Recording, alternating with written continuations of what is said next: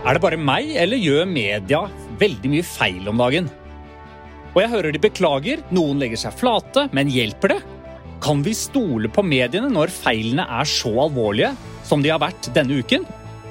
Det lurer jeg på nå.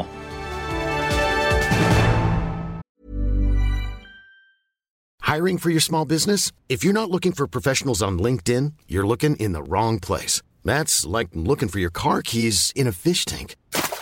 LinkedIn helps you hire professionals you can't find anywhere else, even those who aren't actively searching for a new job but might be open to the perfect role. In a given month, over 70% of LinkedIn users don't even visit other leading job sites. So start looking in the right place. With LinkedIn, you can hire professionals like a professional. Post your free job on linkedin.com slash people today.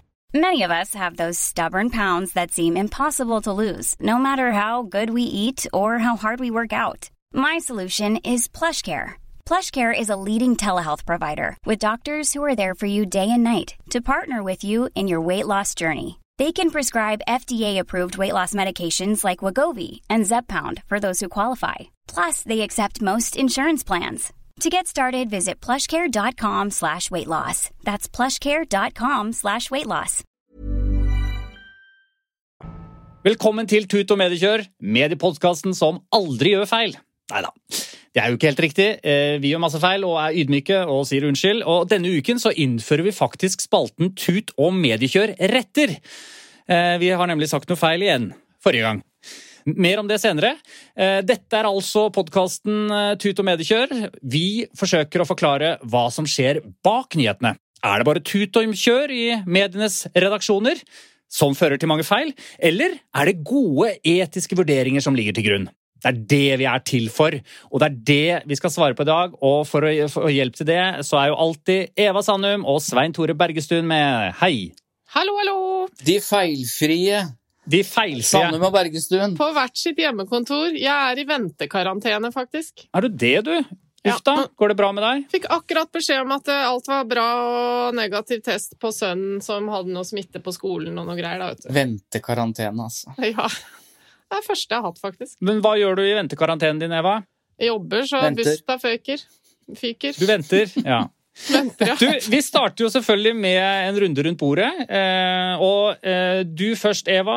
Er det noe du har sett, irritert deg eller gledet deg over denne uken når det gjelder norsk eh, presse?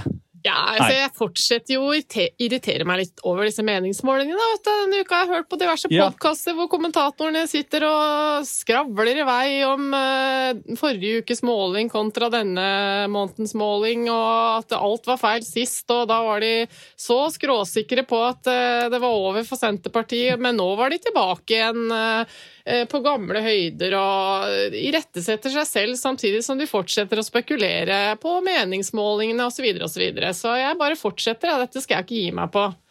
Så det der argumentet med at man kan, altså det argumentet som man ofte hører, er sånn Ja, men det er jo bare for deg å skru av. Det er jo bare for deg å ikke lese.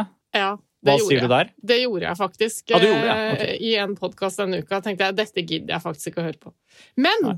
når det Men er du, sagt ja, men du, jeg må bare si det. Jeg, må bare si det. jeg har eh, blitt eh, mer oppmerksom på dette siden du irriterer deg over det, Eva. Fordi det som irriterer meg, har jo Nei, det som irriterer deg, har jo en tendens til å irritere meg òg.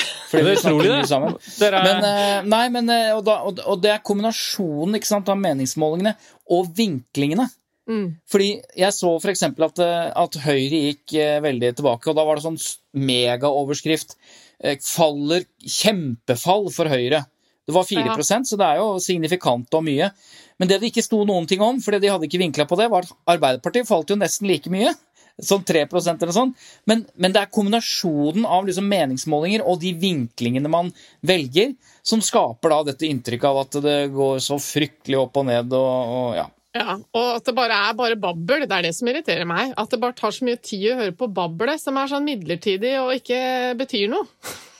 Ja. Men beklager, jeg brøyt inn. Dette er jo en feil også. Altså, det, nok en feil er, er det jo da. Det er jo det denne episoden handler om. Feil i eh, Medie-Norge. Feil i antagelsene av uh, hvilken retning eh, valget var i ferd med å gå i forrige uke. Vi skal nok komme til mer konkrete feil enn akkurat uh, Vi skal det. Vi skal det. meningsmålingsdildal. Jeg har masse Men feil jeg jeg skal komme nå, innom. Christian, Ja. siden jeg nå var så sutrete, kan jeg få lov å være litt positiv også i samme slengen? Nei. Ok, Jeg vil, skryte av, jeg vil skryte av to ting. Det første er Dagbladets podkast Rett på. Som, uh, syns, som jeg syns fortjener litt skryt, fordi at vi har en tendens til å disse så mye greier uh, med Dagbladets uh, forsidetitler osv. Men podkasten Rett på med Marie Simonsen og Nikolai Delebekk, heter den vel, syns jeg er veldig bra. Ja, klapp for hvorfor syns du den er bra? Fordi den ligner på vår. Ja. De prater om ting som skjer, og så har de innslag av gjester som har noe fornuftig å si. Og husk, du som hører på, å abonnere på Tut og Mediekjør. Eh, husk også du, å og hør sende på inn en oss før du hører på Rett på, da. Ok, ja, men Herlig, den likte jeg veldig godt, Eva. Og Eh, den Svein andre tingen jeg vil ja, si, kan jeg få lov? Ja, du kan få lov. Eh, Det er eh, at eh, VG fortjener skryt for sin fantastiske dekning av denne Varhaug-saken om Ja, eh, psykologen Sverre Varhaug, da. Som nå har ført til, etter masse gravejournalistikk fra VG, at helseministeren reagerer sterkt og henter nå inn eh, eksperter som skal gjennomgå hele saken. Eh, Så dette er journalistikk som da også har ført til eh, konsekvenser og ekspertutvalg osv. Og der har de laget en podkast, de også, som jeg ikke har hørt på ennå, som heter Dukkemannen, om denne store saken da, hvor en psykolog har misbrukt pasienter over mange år og er dømt osv. Den har jeg hørt, og det er noe av det beste jeg har hørt. Nå har jeg hørt første episode, og den åpningen der Altså, det, Du er så hekta eh, på starten av den, eh, og det er helt fantastisk laget. Så det er Svarttrost og VG-samarbeid. Så bra. Utrolig bra. Nå er det så mye skryt her at eh, nå må jeg slippe til snart. Ja, ja, Eh, ja. Men da, da håper jeg ikke du skal fortsette å skryte, for det er veldig sånn dårlig for sendingen, sendingens dramaturgi. ikke sant? Men vær så god, Ja. Svein Tore. Hva har du denne uka? Du, eh, jeg har lest en, eh, en veldig veldig interessant studie som er gjort av våre venner i Retriever på vegne av Bufdir. Hva er retriever? Og Retriever er eh, det som før het eh, A-tekst. Altså det er eh, de som har oversikt eh, over alt som er skrevet eh, i norske medier eh, siden krigen. Eh, De er også da et analysebyrå, så de, de har ikke bare et, et arkiv, men de analyserer og ser på mediebildet både i dag og bakover og gjør eh, ulike medieanalyser. Da. Og de Ja, samarbeider vi med, og de er helt eh, tipp topp folk. Ja, og du kan, altså, kunder kan abonnere på tjenester fra dem osv. for å For å vite at de er i mediene, Ja. eller ikke. Ja. Men ok, så de har gjort en, en, en analyse, og det de, det de finner ut, er at Og dette er journalisten.no som refererer dette her. Og, det, og da landet stengte ned for et år siden, i mars, så skjedde det noe med medienes vinklinger og diskusjonen mellom leserne, altså i kommentarfeltet. Fordi selv om overskriftene var jo dramatiske, så var likevel overskriftene mindre konfliktorienterte enn tidligere. Eh, og det mener, eh, mener man nå, etter å ha analysert dette, at det kan ha også ført til endring i kommentarfeltet. Både da innholdet og hvem som faktisk oppsøkte denne kommentarfeltdebatten da, under medienes Facebook-delinger. Det viser denne rapporten. Blant annet så er det sånn at eh, det ser ut til at antallet såkalte nøytrale kommentarer øker. Altså det er mindre veldig veldig polariserte meninger, det er mer nøytrale kommentarer. Og, og kvinner bidrar til den økningen, for kvinner har en tendens til å være litt mer forsiktige enn menn, da, rett og slett. Eh, og, og, og kvinnelige debattanter i på- kommentarfeltene. Jo, men det er jo så, det er sånn det er, dessverre. Er det det? Eh, Det bare høres ut som ja, altså, generelt sett så er, er kvinner mindre interessert i å krangle enn menn. eh, På i nettet, på nettet riktignok. På nettet, riktignok. Det var bra du kom på banen, Eva. For det, Ikke det Ja, virkelige ja, liv. Men, men det, det som er så interessant, er nettopp at Og her er kritikken. Altså Hvis mediene eh, toner ned den der krisemaksimeringen og dritharde vinklingen, eh, og heller er litt mer saklige, så fører det til endringer i kommentarfeltet. Ja, da det- blir kommentarfeltet bedre også. Og det syns jeg er eh, noe å lære. Det gir Det gir Ja, mening. det gir veldig mening. Det var veldig interessant. Den skal jeg lese, den rapporten. Ja, jeg har ikke tid til det, men uh... Som, nei, du trenger ikke det nå, for nå vet du ja, resultatet. det Men som, et apropos, som apropos til det, da, så leste jeg på forskning.no at man har jo også undersøkt, man gjør undersøkelse på, på det som kalles nyhetsunnvikelse. Altså, Man hører jo av og til at venner bare sier 'jeg orker ikke å lese nyhetene'. Det er Ja. så mye, ikke sant? Jeg har faktisk følt det litt sånn denne uka her selv. Jeg. Ja, Vi har jo snakket litt om det når det gjelder Dagbladet. Jeg har hørt mange sier at grunnen til at jeg ikke orker å lese Dagbladet, er at jeg får helt, jeg får helt det ikke, Jeg blir ikke bare irritert, men jeg blir redd av det. Jeg blir redd av å lese det. Og det kan da føre til eh, såkalt nyhetsunnvikelse. Og forskning.no skriver om dette, at de har forsket på dette, bl.a. ved Universitetet i Oslo. Og det er ca. 10 av oss som lider av det, hvis man kan si lider, da. Man, Ja. man, noen kan jo si at, eh, at man ikke lider, men at det er en eh, befrielse. Er Men at eh, 10 oppvåkning. av oss unngår nyheter av Ja. ulike grunner. Da. Ja. Er det 2021s uh, Whiplash-pasienter vi snakker om her? Ja. Nei, 2021s Whiplash-pasienter er Og nå kommer jeg til å få jævlig mye kjeft, men det er alle de som tror de får sånne supersenvirkninger av korona, alle sammen. Ja. Ja, nei, nå, må- nå må vi videre. Merk! Selvfølgelig er det noen som får senvirkninger. Jeg tror bare det er litt for mange som Ja. får senvirkninger. Jeg, jeg må si jeg støtter deg der. Det er nok en del som har litt Nei, vi kan ikke gå inn i det. Og vi vi går til å få videre om media. Og eh, det som jeg bare, Men jeg hadde bare lyst til Fordi er det Jeg bare kom plutselig på Hvis man har et helt nøytralt kommentarfelt, er det artig? Hvor alle skriver bare 'enig', 'enig', 'vet ikke', 'enig', 'topp', Eller sånn kos og klem, Vet hjerte. Kjempebra. Fantastisk Ja. tekst.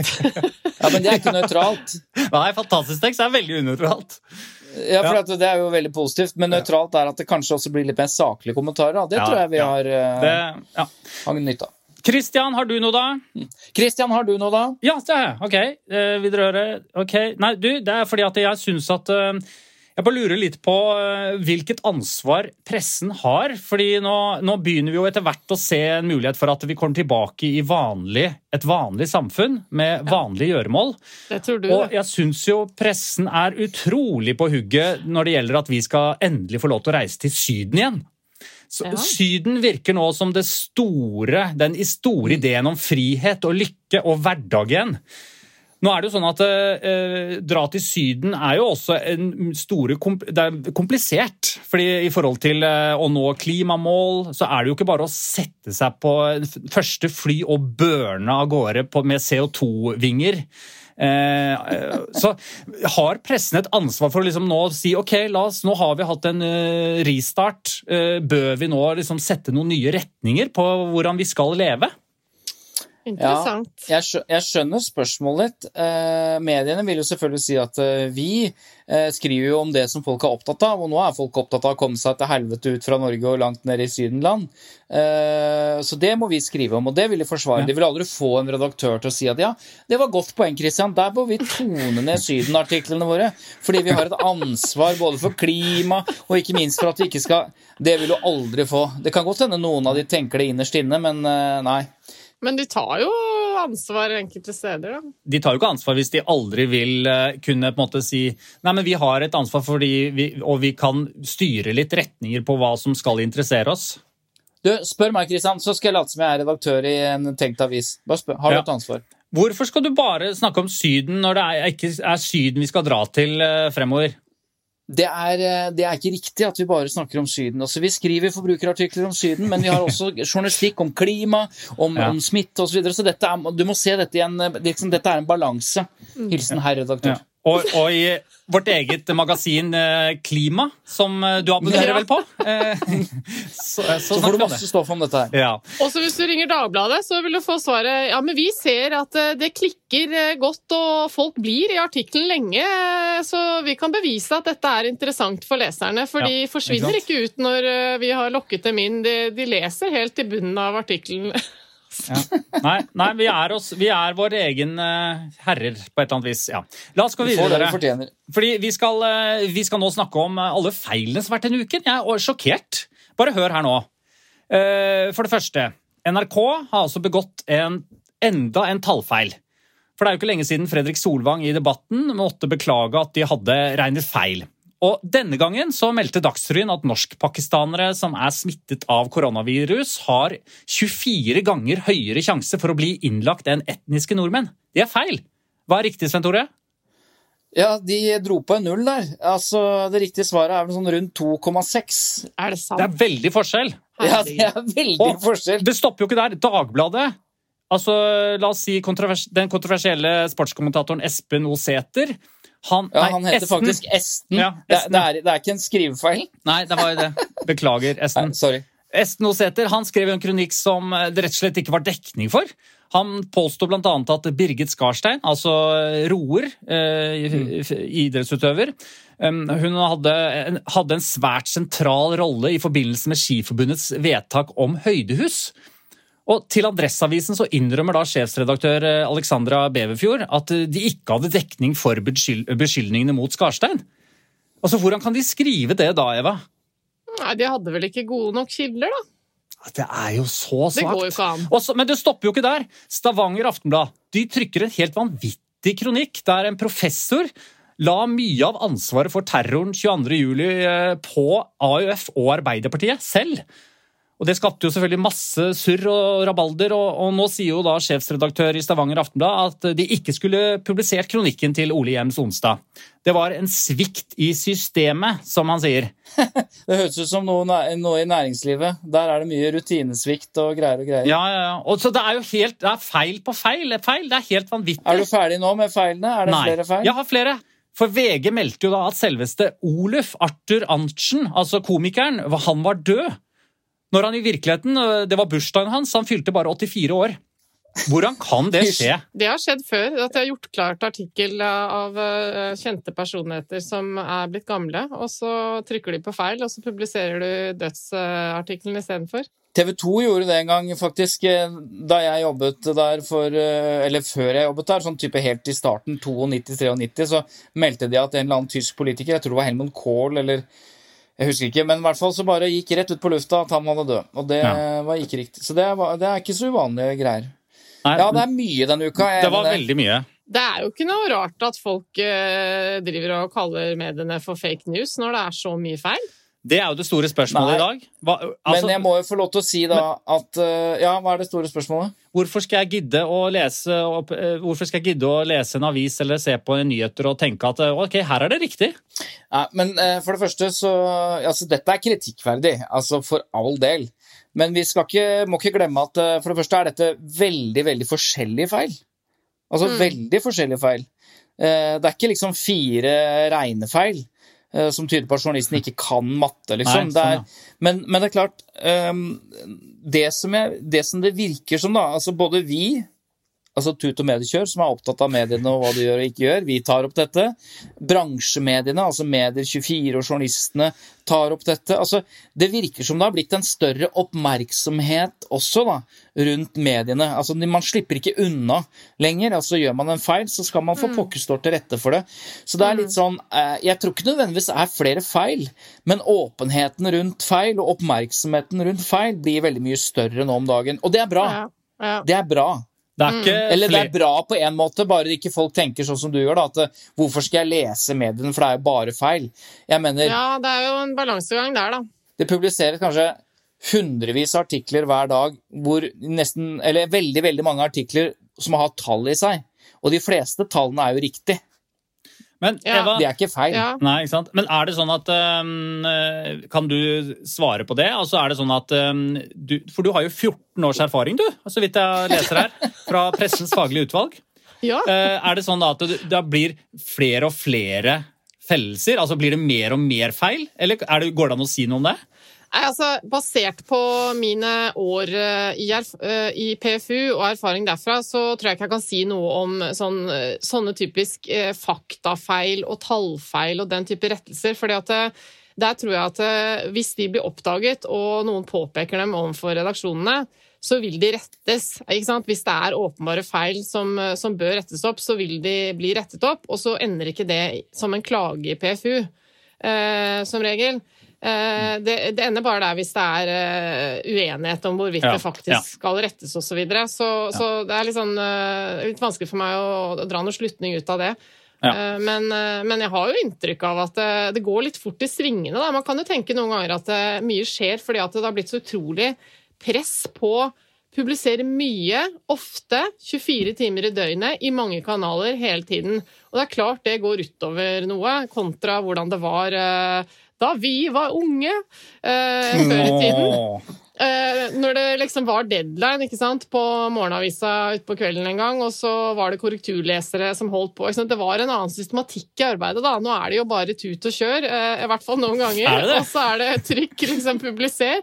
Og, og ikke minst det at eh, journalister i dag jobber jo på en helt annen måte. For de lager jo ofte hele saken inntil den kommer ut på nettavisen. ikke sant? Veldig mange journalister, spesielt i lokalmediene, publiserer jo og desker sine egne saker og sånn, så det er utrolig mange ledd i en nyhetssak fra en enkelt journalist hvor det kan begås slurvefeil. Det er ikke så mange mennesker inne og kontrollerer fakta. Eh, så det tror jeg kan være en grunn til at det går litt fort i svingene noen ganger, da. Mm. Hva tenker du, Svein Tore? Jo, Jeg er helt enig. Altså, jeg tror det tempoet uh, er en, uh, en, stor utfordring. Samtidig så har det blitt Så har jo kvaliteten på norsk journalistikk blitt bedre generelt sett, hvis vi snakker om kvalitet med, med liksom bruk av kilder og gravejournalistikk og alt, ja, Den gode journalistikken har jo blitt bedre. Men det tempo, det er selvfølgelig en Men hvis vi bare ser litt kort på de feilene, da. Altså Det NRK har gjort for andre gang nå, at de har gjort en kjempestor blemme på ja. altså en regnefeil, ja. det, det, må de slutte med. Da, altså, da, må de, da må de ansette De har 3600 medarbeidere, eller hva det er. Da må de ansette én tallmann, da, som alltid må lese gjennom tall hvis de ikke klarer å regne prosent for å være litt flåste. For det der er alvorlige feil.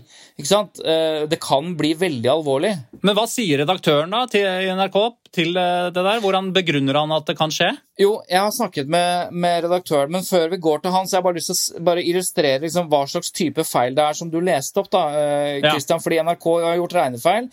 Dagbladet har skrevet en utrolig skarp kommentar som de ikke hadde dekning for. Altså, og det er nesten sånn det, det, skjønner jeg ikke helt hvordan de kan drive med. Altså, Jeg skjønner ikke hvordan man kan skrive en kommentar hvor de beskylder to navngitte personer for noe altså, dette som det dekning for. Mm. Ja, og, og Astrid Urenholt Jacobsen som også var nevnt der. Så det er en sånn kjempeflau uh, feil som må, liksom, må gå Det er skikkelig kanossagang. Vi mm. skrev mm. noe som vi ikke hadde dekning for, liksom. Det er flaut. Uh, og så er det da Stavanger Aftenblad. Det er en helt annen type feil. For der setter de på trykk en kronikk med Og det har de ikke gjort. Det, det er svikt i systemet. Altså, hva, hva, slags svikt er det? Altså, poenget er at de har fått tilsett en kronikk som veldig mange andre redaksjoner sa nei til. Og så endte de opp med å sette den på trykk publisere den, den har selvfølgelig vært gjennomlest.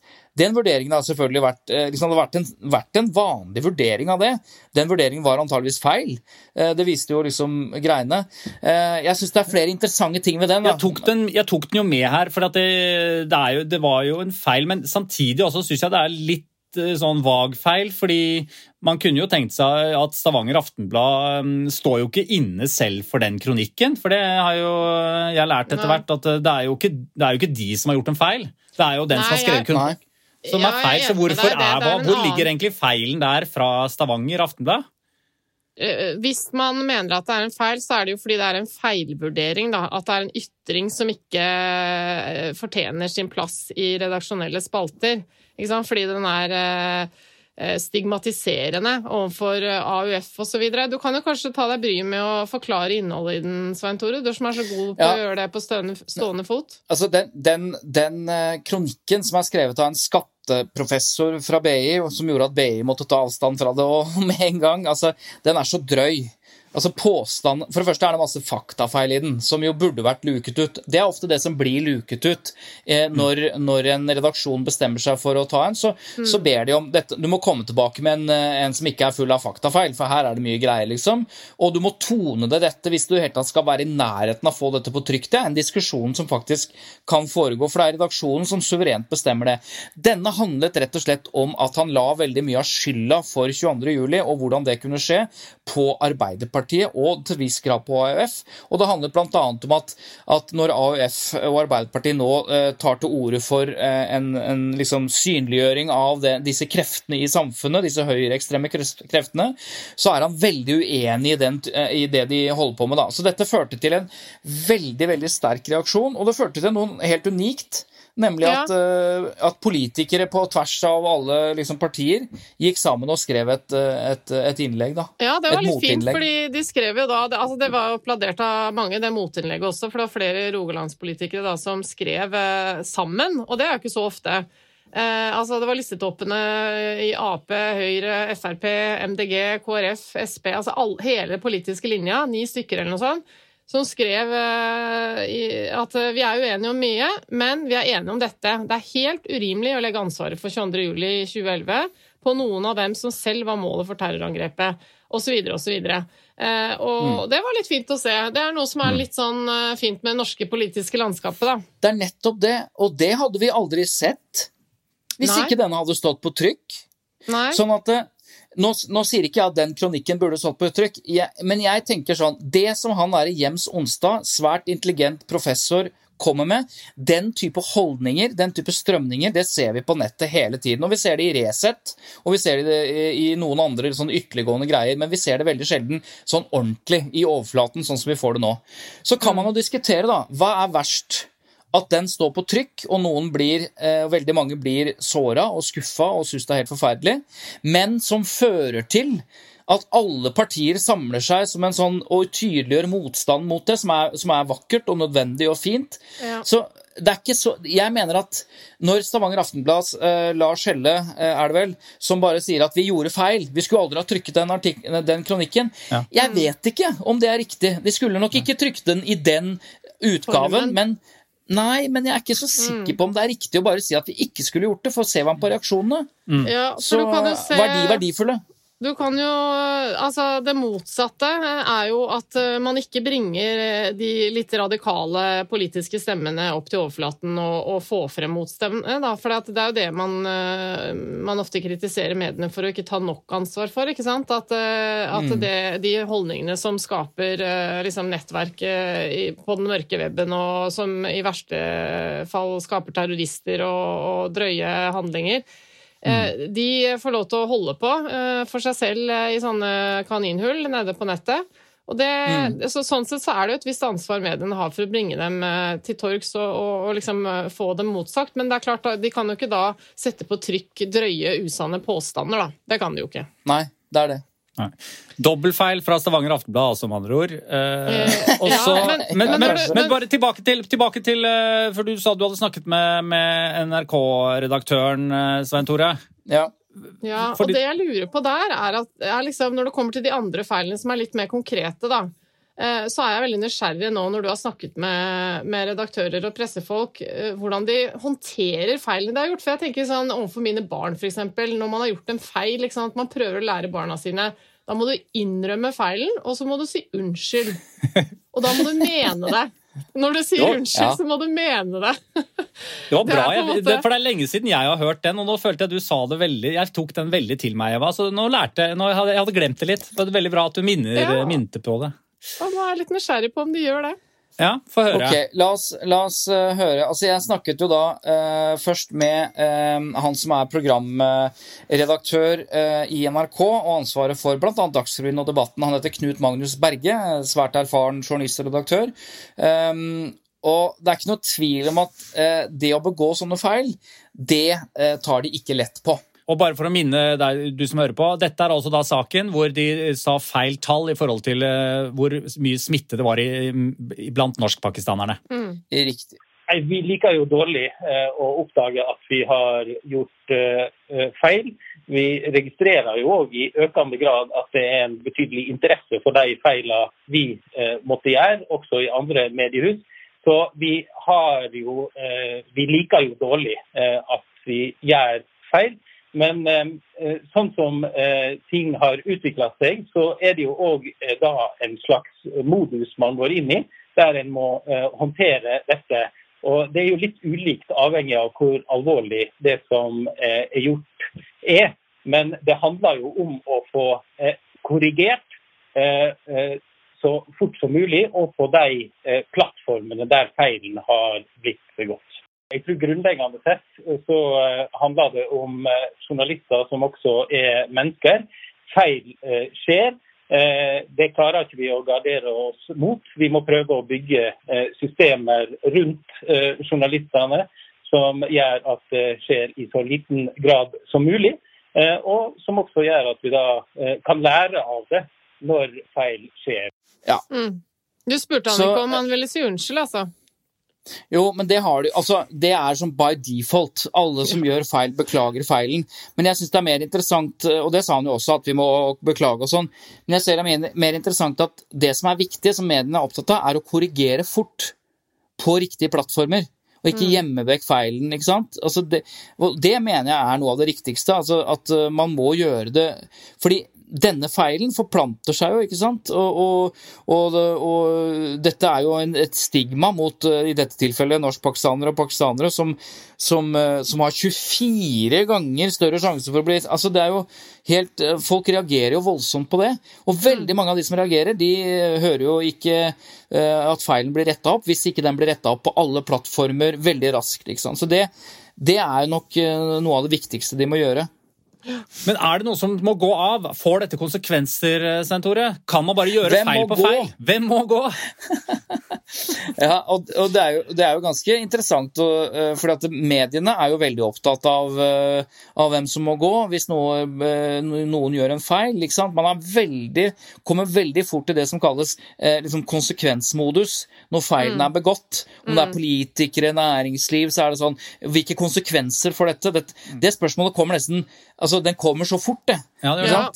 Og det er jo derfor det er fristende å stille tilbake. for Personlig så er jeg ikke tilhenger i det hele tatt av å ha en sånn holdning. At uh, med en gang noen gjør noe feil, så må det gå. At det liksom er måten journalistikken eh, drives frem når noen driter seg ut i media. Da. Det er jo ikke en bra holdning å ha uh, ellers i samfunnet heller. Ikke sant? Det er jo mye bedre at vi alle på en måte er ute etter å rette opp feilen og beklage og bli bedre, enn at man bare skal hele tiden liksom ja. Noen må gå.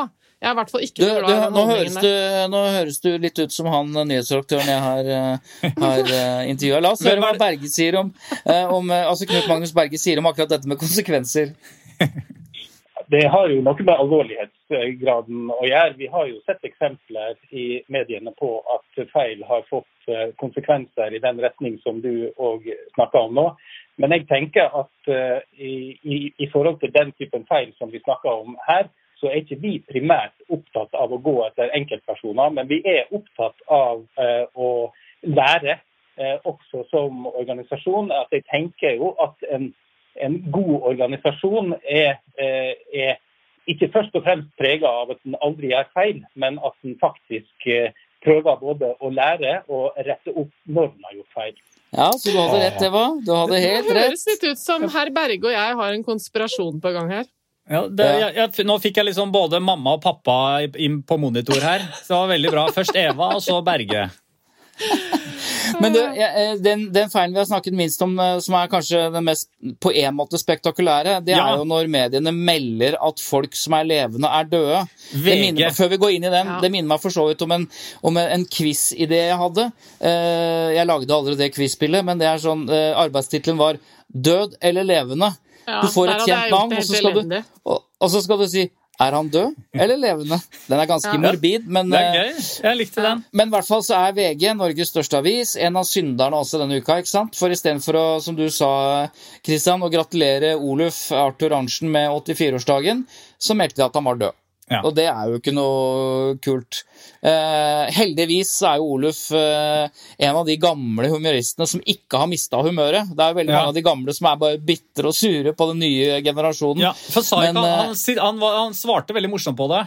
Så dere det? Ja, Han sa vel et eller annet om at uh, En variant av dette faste ordtaket at uh, 'min død er betydelig overdrevet', eller noe sånt. Men han sa i hvert fall at han, at han var, han var fri, frisk og levende. Men han sa også et eller annet om at ja, han har vært sa, død i tre år. Nei, han sa, han sa 'VG beklager at jeg ikke er død ennå'. ja, det sa han også. Ja. ja, men dere, eh, fordi vi har en del eh, som hører på oss, eh, som ikke nødvendigvis eh, er like gamle som dere.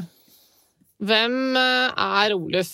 Oluf er jo en legendekomiker. Eh, han, han, på en måte satte på en måte bilde og stemme på litt den eh, naive nordlendingen.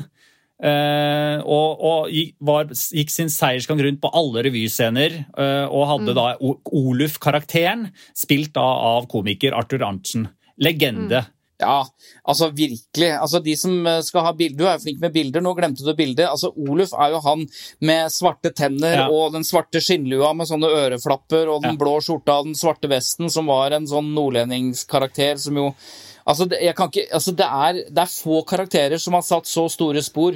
Mm. Men han er altså ikke død. Eh, og Svein Tore, du snakket med redaktør eh, Gard Steiro. Hva sier han? Ja, nei, for jeg spurte, jeg spurte, jeg prøvde en liten frekk inngang her. Eh, jeg sa liksom sånn Ok, alle disse feilene blir jo ofte forklart med at journalistikken er historiens kladdebok.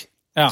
Eh, og da antydet jeg overfor eh, sjefredaktør Gahr Steire om, om kanskje håndskriften i den kladdeboka bør bli litt bedre. Ho-ho-ho, frekt. Var ikke det frekt? Og det strider mot all intervjuteknikk eh, jeg underviser i, ikke sant? Det er okay. bare tull å si sånn, men vi får høre, la, høre hva han sa, da. Ja.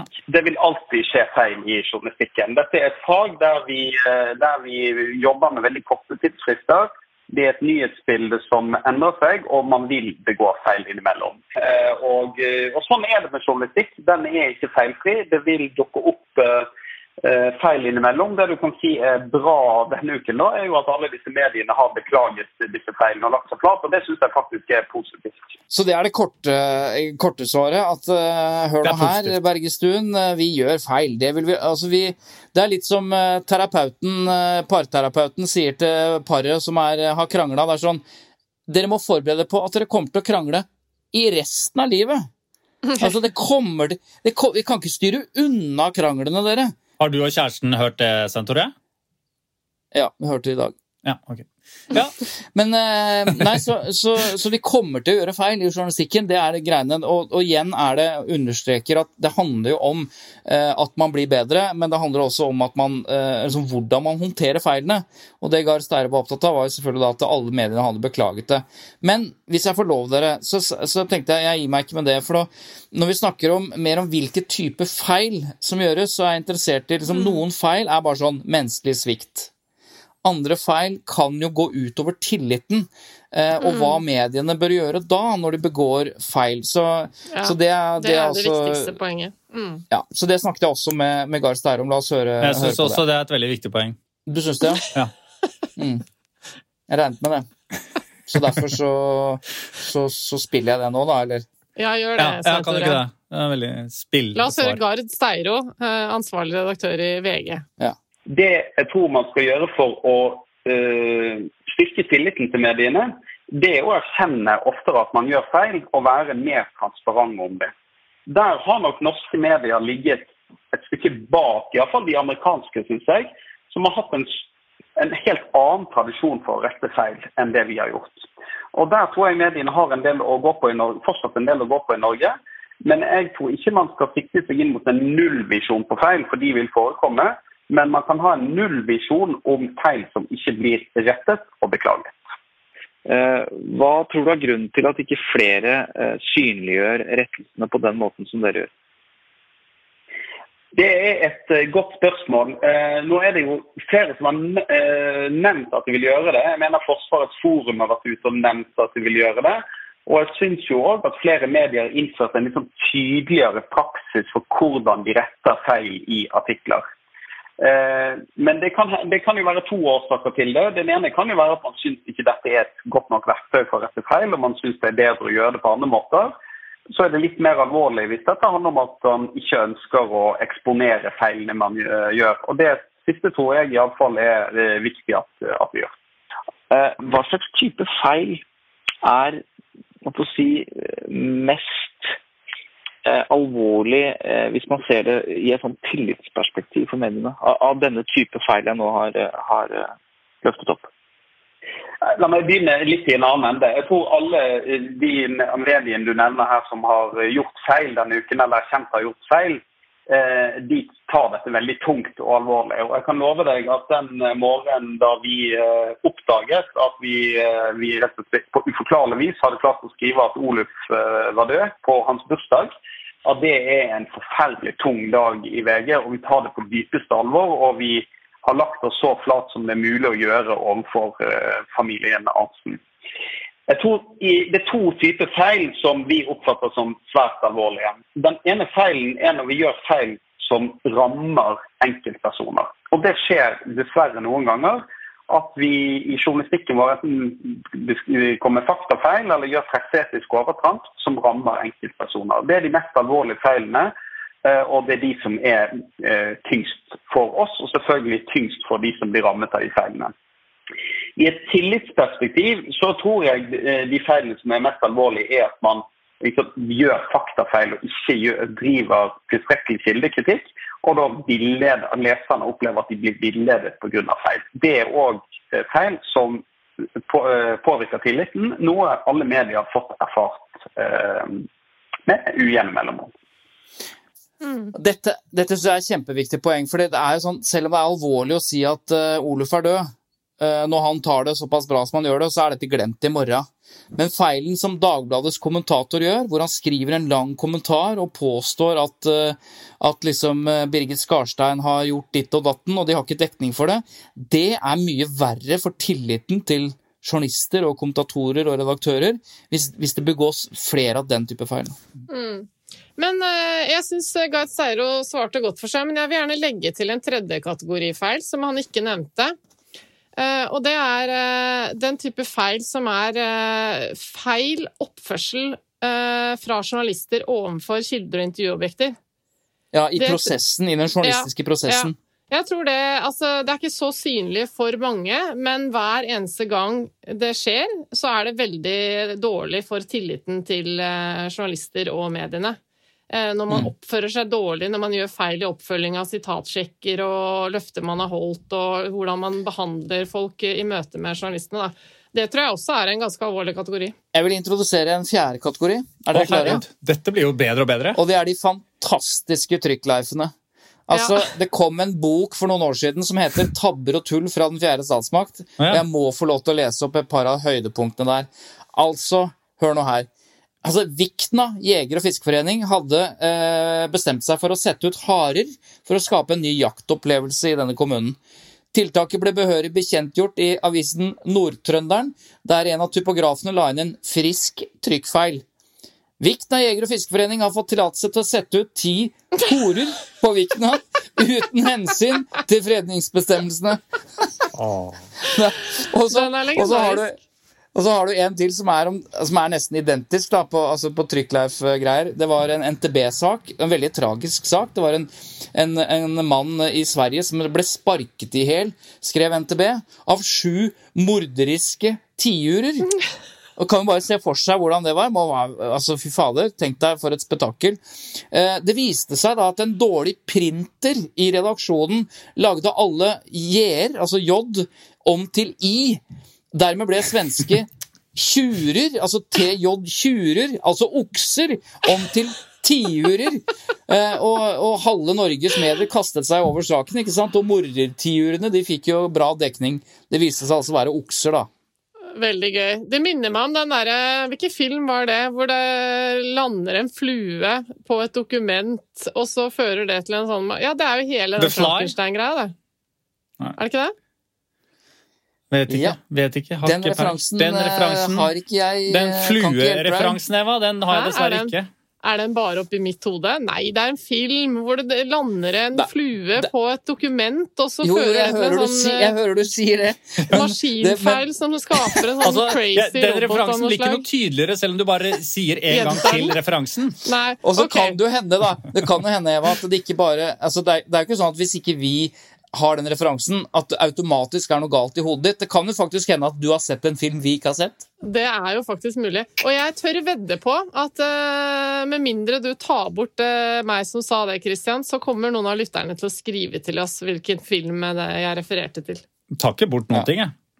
Men dere, nå fikk jeg litt lyst til å liksom, hente meg et glass vin og sitte og mimre litt over liksom, de store feilene.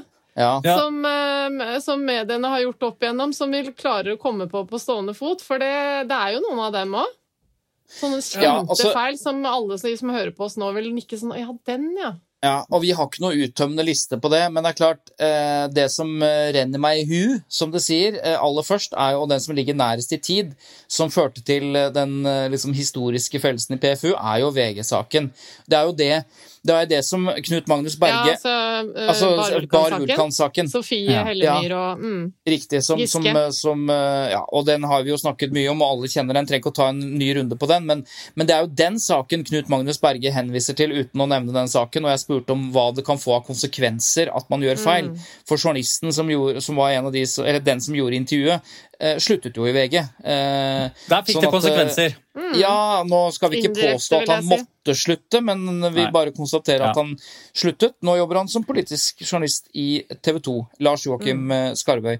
Men eh, det er en sak som er litt lenger tilbake i tid, som jeg husker, for der var det også sånn voldsomt press mot den journalisten som hadde gjort saken. Og det er den såkalte Romkvinnesaken i NRK oh, ja. fra Uff. Ja, for det er vel en sju-åtte år siden. Den- 2013. Den var veldig stygg for, for NRK, og for eh, da husker jeg en, en helt fersk eh, kringkastingssjef, Tor Gjermund Eriksen, som fikk den på bordet ganske tidlig. Og det handlet jo veldig kort om at, at eh, det var en, en romkvinne som ble portrettert og fremstilt som et, som et offer. Eh, Da, som vi skulle synes synd på, av ulike årsaker. Og så ble det altså en del opplysninger her som ikke ble som gitt i saken. Eh, annet at hun var dømt for medvirkning til både eh, tvangsekteskap og tror jeg også medvirkning til voldtekt av egen datter. Dette var jo opplysninger som ikke kom fram, og som gjorde at vi fikk kanskje et, et annet bilde av denne kvinnen enn det eh, som eh, Ja. Den, den, det er en av de mest alvorlige sakene for Ja, NRKs den er journalistikk. Og, og de var jo sånn her i dette tilfellet, så vidt jeg husker at um, redaksjonen satt jo på den informasjonen. Selling a little or a lot?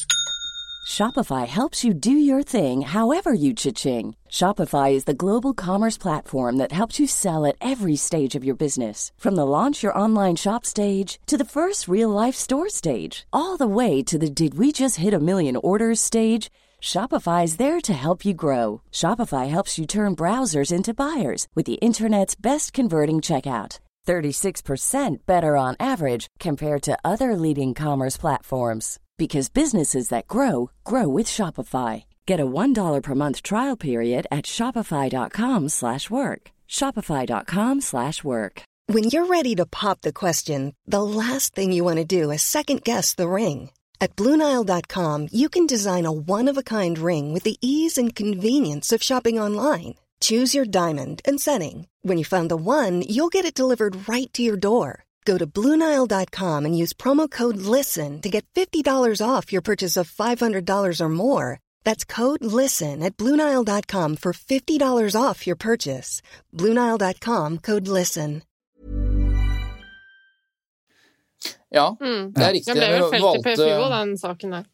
Ja, og Valgte ta den. Kringkastingsrådet gikk jo helt men, men, men jeg husker jo veldig godt journalisten som, eh, som begikk den feilen, og han hadde en forklaring på det. Det vil si, han klarte ikke helt å forklare det selv. Han gikk, han gikk seg vill eller noe sånt, var, var, var forklaringen. Og det må vi også huske, at det som kan virke som sånn konspiratoriske, bevisste, slu feil, også skyldes eh, naturlige mekanismer hos mennesker, enten det er at man ikke vil se, eller at man går i bekreftelsesfeller, eller hva det er. Så det sitter alltid mennesker og så gjør disse feilene, og det, det kan jeg skrive noe på at det er ikke, det er ikke noe moro å bli gjenstand for den type eh, oppmerksomhet.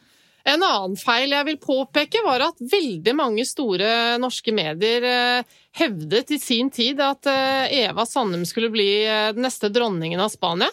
Ja, det Er det sant? Hva Var var det, det det? var mange Det som gjorde det. Det var Men det- eh, men Eva, det skulle du jo. Anklagelser. Du skulle jo ikke det? Ja, forresten, hva var det som var feil med det igjen? Anklager Nei, jeg, jeg kjenner ikke til noe Eva Sanden som ble dronning av Spania. Nei, hun ble vel strengt tatt ikke det, men hun var vel på god vei, var hun ikke det? Nei, Det, var, Men det det sa jo du til meg, og derfor, derfor ringte jo jeg til alle avisene. Der var det forresten også masse meningsmålinger som dere drev og spekulerte i i tide og utide. bare så det er sagt. Nei da, jeg bare tuller. Men en annen sak som jeg kom på nå, eh, er jo den store ambulansesaken med han Erik Schenken, ambulansesjåføren. Ja, eh, for all del. eh, som jo fikk så busta føyk og virkelig ble fremstilt feil, vil jeg si, over lang tid gjennom mange av mediene. Ja, ikke bare vil du si. Det, det, det, det vil jo Høyesterett si også, for han vant jo fram. Altså, Der var det Dagbladet som var eh, skal vi si, den, den verste. Dette er jo saken hvor, eh, hvor, eh, hvor Ali Farah, en somalsk, norsk-somalier som, som ble slått ned alvorlig, alvorlig skadet i, i eh, Sofienbergparken. Og så var det eh, mye, mye oppstyr rundt da ambulansepersonalets opptreden på stedet, hvor Erik Schenken var en av de hvor det ble påstått at det var en, en form for rasistisk oppførsel, og de bare stakk av og, og hjalp Ja. han ikke. Og som jo han ble frifunnet eh, for, altså, for rasisme da, i Oslo tingrett i, i 2008, tror jeg det var. Ja, og så, ble han jo, øh, så fikk han jo da Han gikk til søksmål mot Dagbladet, for dette handlet jo både om journalistikken til Dagbladet, men også kommentarene til Dagbladet. Eh, Og du nevnte Marie Simonsen tidligere i dag eh, i episoden eh, og skrøt av, av henne. Hun er jo en, en utrolig viktig stemme i norsk offentlighet, har vært det på, i veldig mange år. Akkurat her så var jo kombinasjonen av noen av hennes kommentarer og journalistikken som førte til at han faktisk vann, han vant jo fram eh, og ble, ble tilkjent eh, jeg tror det var først en million kroner i erstatning. Eh, mm. Og dette ble anket, og så ble det, ble det ikke så mye penger, men det gikk jo helt til Høyesterett. Eh, som- eller det vil si, Høyesterett an, eller forkasta anken til Dagbladet, så Dagbladet sto igjen. Eh, og det som, apropos det å innrømme feil, der opplever jeg at Dagbladet aldri egentlig har innrømmet at de gjorde den feilen som de faktisk, ifølge retten og ifølge veldig mange andre, eh, begikk. Eh, og det er jo laget Ja, dokumentarer på hva det på en måte. Nei, og, og hvis du har sett den dokumentaren om Erik Schenken som forteller om hvordan det var å stå i det der eh, Og Erik Schenken har jo, han har jo sittet i PFU i mange år, han har ikke det, Eva, etter dette, som allmennhetens yep. eh, Han eh, Representant? ble, ble tatt inn i Pressens faglige utvalg som representant for allmennheten, eh, akkurat som jeg var. da. Vi satt der noen år sammen. Utrolig eh, flink og oppegående, fin fyr, vil jeg si. Mm. Ja. Kjempebra i det utvalget. du, nå har jeg googlet litt, og fant jeg også en eh, stor sak. Ja. Eh, eh, husker dere den der eh, dopingsaken i Rikets tilstand på TV 2? Ja, hva var det igjen? Ja, Gerhard Helskog. Ja, fordi Ja, det husker jeg veldig godt. det var også en sånn brøler. Altså, Det var et, opp, et innslag i Rikets tilstand i 2002 hvor, hvor, hvor overskriften var 'Finnes det doping i norsk toppidrett?' Ja. Og det ble hevdet at rundt 150 medikamenter, og flere av disse var på idrettens dopingsliste, ble rekvirert av den norske langrennsledelsen. ja, Og men det ble det aldri. Og det viste, alt viste seg å være feil. Det var en feil liste. Altså, det var bare eh, det, Alt ble feil. Eh, og, og Ja, for den lista var, var ikke en, bestil, en bestilling. Det viste seg bare å være, så vidt jeg husker, at det var eh, hva som var tilgjengelig av medisiner. Ja. Altså det var en slags tilbudsliste. Ja, nettopp. Ja, stemmer det. Jeg husker den veldig godt, fordi det er to ting som var helt spesielt der, Christian. For jeg hadde jo Gerhard Helskog og Kåre Valbrok i studioet mitt i 1730. Ah, ja. De gikk jo Canossa-gang liksom først til meg i 1730, Dagsnytt 18 og alle debattprogrammene, og så la de hodet helt ned på bordet, sånn helt nederst, sånn, og så hvisket de 'unnskyld, unnskyld, unnskyld'. Men det som var veldig spesielt med den saken der, og var ganske ekkelt, husker jeg, det var at idrettens representanter skulle jo få se dette, denne påstanden, ikke sant? så de fikk en slags sånn forhåndsvisning av dokumentaren, hvor de presenterte disse beskyldningene. Da så jo de, idretten, eh, idrettens høye herrer, de så jo at dette var feil, at de hadde virkelig driti seg ut, men istedenfor å si det under forhåndsvisningen, så sa de ingenting. Nei. Og så ventet de det, at eh, de ventet til at han ble eh, publisert, og så gikk de til frontalangrep på TV 2, sånn at de måtte bare legge seg helt flate, og dermed så var det ingen som eh, ville snakke om doping i norsk eh, ski eh, lenger. Nei, Så det var ganske spesielt. ganske spesielt. Men dere, vi, eh, vi gjør jo ikke noe feil, gjør vi vel? Vi har det fint. Jo, vi gjorde Vi har gjort feil igjen. Vi har gjort feil jeg igjen. har gjort feil igjen. Derfor Jeg er det på tide. Jeg husker at jeg har gjort noe særlig feil. Og du har gjort feil, du òg, men altså, det er bare jeg som oppdager det, så jeg sender jo ikke inn Men dere, til Tut og da åpner jeg rett og slett eh, den nye spalten vår, jeg. Ukas rettelse. Ja. Da er den åpnet. Ja. Ok, hva slags feil har vi gjort? Jo, altså, jeg sa forrige gang, Christian, da du var i gang med å snakke om at vi eksporterte våpen til Emiratene og sånn, Ja. så hadde jeg lest noe i Aftenposten, eller jeg hadde hørt på dette nyhetene hele tiden, så jeg hadde en veldig bestemt oppfatning at, at der noen sa at vi hadde eh, eksportert våpen, så var det i realiteten eh, såkalte, såkalt B-materiell, altså ikke våpen og sånn. Så da Ja. brøyte jeg inn Ja. deg, og så sa jeg jo, men nå må vi, nå, nå må vi huske på at det var B-materiell. Så jeg prøvde å rette det jeg trodde var en feil, Ja. og endte opp Jeg husker jeg reagerte på det. Jeg stussa litt over det, for jeg jeg ble litt usikker da du sa det. Du rettet meg til feil, faktisk. Ja, det, er, så, så var ganske intrikate greier. Ja. Og så har vi fått da e-post eh, fra, fra generalsekretæren i Amnesty igjen, som jo rettet Han, meg på at jeg, sa at, det var, det at jeg sa at det var tusenvis som ble henretta i Kina uten lov og dom. Husker dere det? Det, Mm. det var, måtte jeg rette. Og nå eh, så skriver han at Eh, han viser til artikkel i Aftenposten, og så sier han sammenhold det med Svein Tores utlegning om A- og B-materiell. Så sier han det er altså snakk om salg av våpen og ammunisjon til et land som er direkte involvert i en krig der Amnesty, der han er generalsekretær, Human Rights Watch og FN har bevist at det begås krigsforbrytelser. Så sier han at det er viktig når man diskuterer hvorvidt det er akseptabelt at Aftenposten da publiserte det vi snakket om forrige uke, altså det graderte materiellet. Eh, da er det viktig eh, eh, at, vi liksom, at vi snakker at vi, at vi har rett, da. At vi, at ikke sier feil ting. Så der har eh, min gode venn Jon Peter Egnes rettet meg igjen. La det ikke bli en vane. Det var ukas rettelse. Du hører på Tut og Mediekjør. Vi er straks ferdig, så bare slapp helt av. Nå kan du gå av bussen snart. Hold ut! Ja, hvis du sitter, hvis du sitter på bussen og er vel... Bare vær med bussen til på neste neste stopp. stopp, ja. Ja. Så, så, er vi, så, så nå er vi straks ved endestasjonen. Eh, For vi må jo selvfølgelig ha et lytterspørsmål. Eh, Det rekker vi. Ja. Eh, Og da skal vi ta lytterspørsmål fra Kristin. Tusen takk til alle som sender inn. Det er utrolig gøy. Mm. Og du sender inn til eh, ja, tut Tut! at lydproduksjoner.no.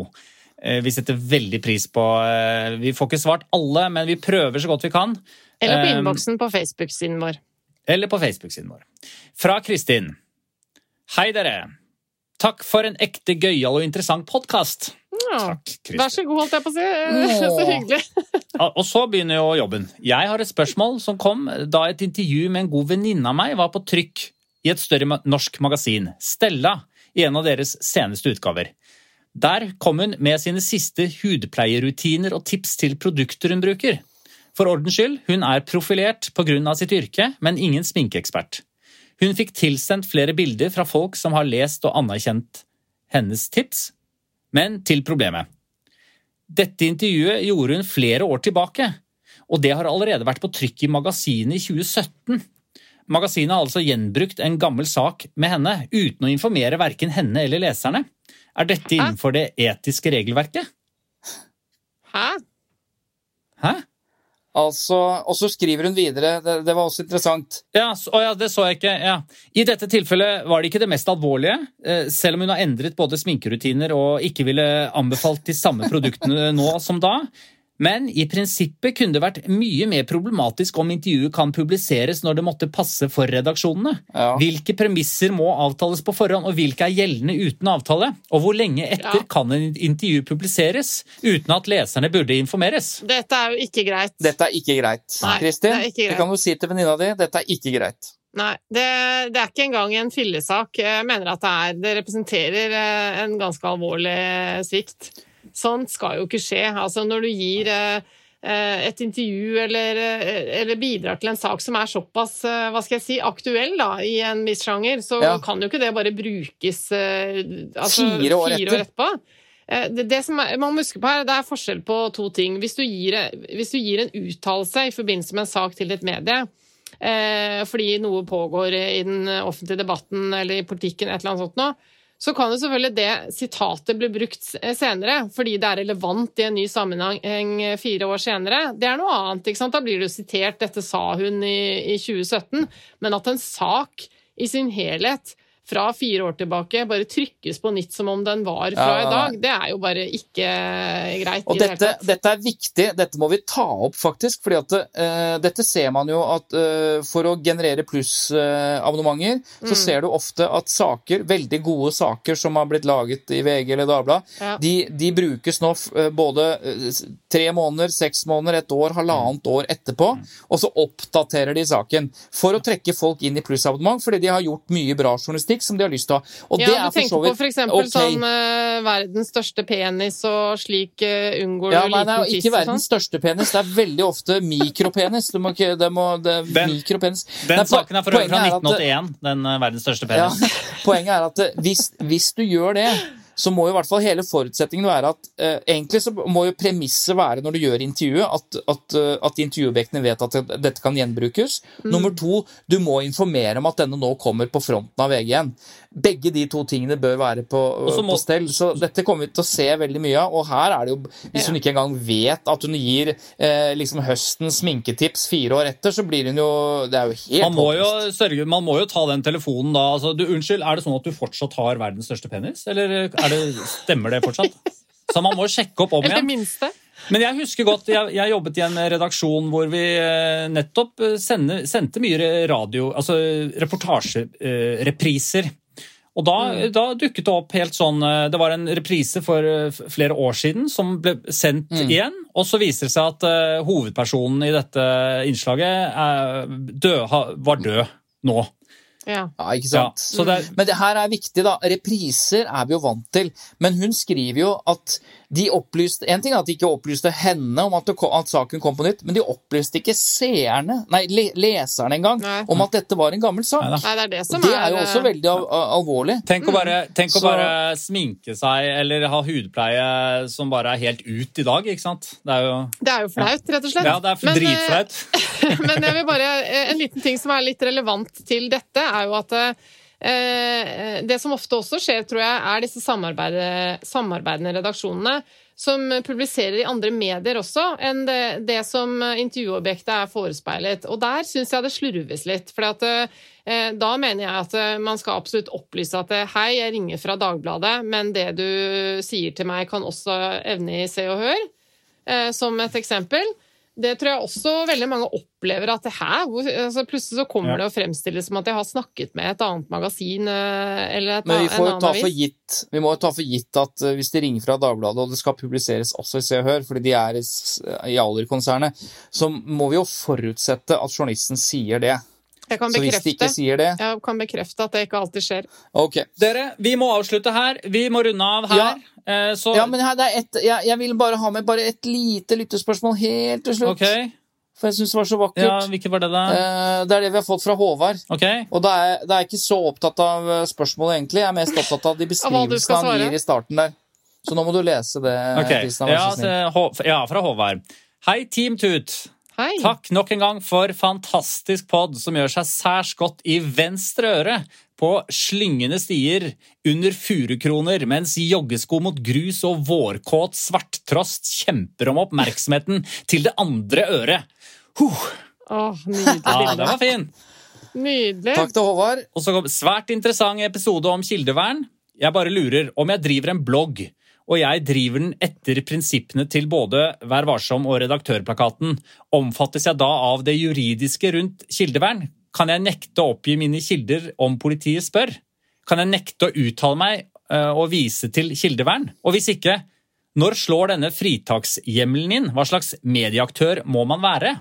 Ja, Og Gøy. dette er en hel episode. ja, dette Ja, det er en hel Skal vi ta episode, det i neste episode? Skal vi rett og slett gjøre det? Ja, Det snakker vi om i neste episode. Ja, det lover Ja. vi Håvard. Hvis, hvis han i tillegg kan sende inn et nytt dikt til oss, så hadde det vært eh, tipp topp. Da gjør vi det neste uke. Herlig. Eh, da Jeg hører jeg vi fra deg, Håvard. dikt, Og men ok. eh, ikke vær så er er kverulant. er, Eva, er du kverulanten nå, plutselig? Du vet du hva, hva, hva slags spenn det er i poesien, eller hva? Nå- altså, come on. Nå bare sier jeg tusen takk for eh, Eva Sandum. Tusen takk for Svein Tore Bergestuen. To kverulanter har du hørt på. Eh, Og jeg tusen takk til Christian Lider Marstrander. Åh, takk. Endelig slapp jeg å si det selv. Det er første gang, tror jeg. Eh, dette er produsert av Lyder Produksjoner. Husk å sende oss en e-post. Eh, det gjør det til tut. Krøllalfa lyderproduksjoner.no. Ha det. Og husk å anbefale oss til dine venner og kjente. Ja. Og så sier du ha det. Og abonner på podkasten. Ja. Tusen takk. Og så sier du ha det. Ha det! Og så sier du ha det, Christian. Ha det. Ha det.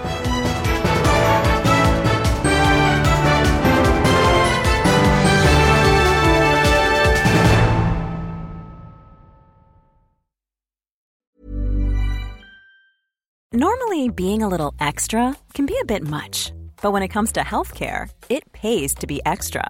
And United Healthcare makes it easy with Health Protector Guard fixed indemnity insurance plans. Underwritten by Golden Rule Insurance Company, they supplement your primary plan, helping you manage out of pocket costs without the usual requirements and restrictions like deductibles and enrollment periods. So when it comes to covering your medical bills, you can feel good about being a little extra. Visit uh1.com to find the Health Protector Guard plan for you. Hey, it's Danny Pellegrino from Everything Iconic. Ready to upgrade your style game without blowing your budget? Check out Quince. They've got all the good stuff shirts and polos, activewear, and fine leather goods, all at 50 to 80% less than other high end brands. And the best part? They're all about safe, ethical, and responsible manufacturing. Get that luxury vibe without the luxury price tag. Hit up quince.com slash upgrade for free shipping and 365 day returns on your next order. That's quince.com slash upgrade.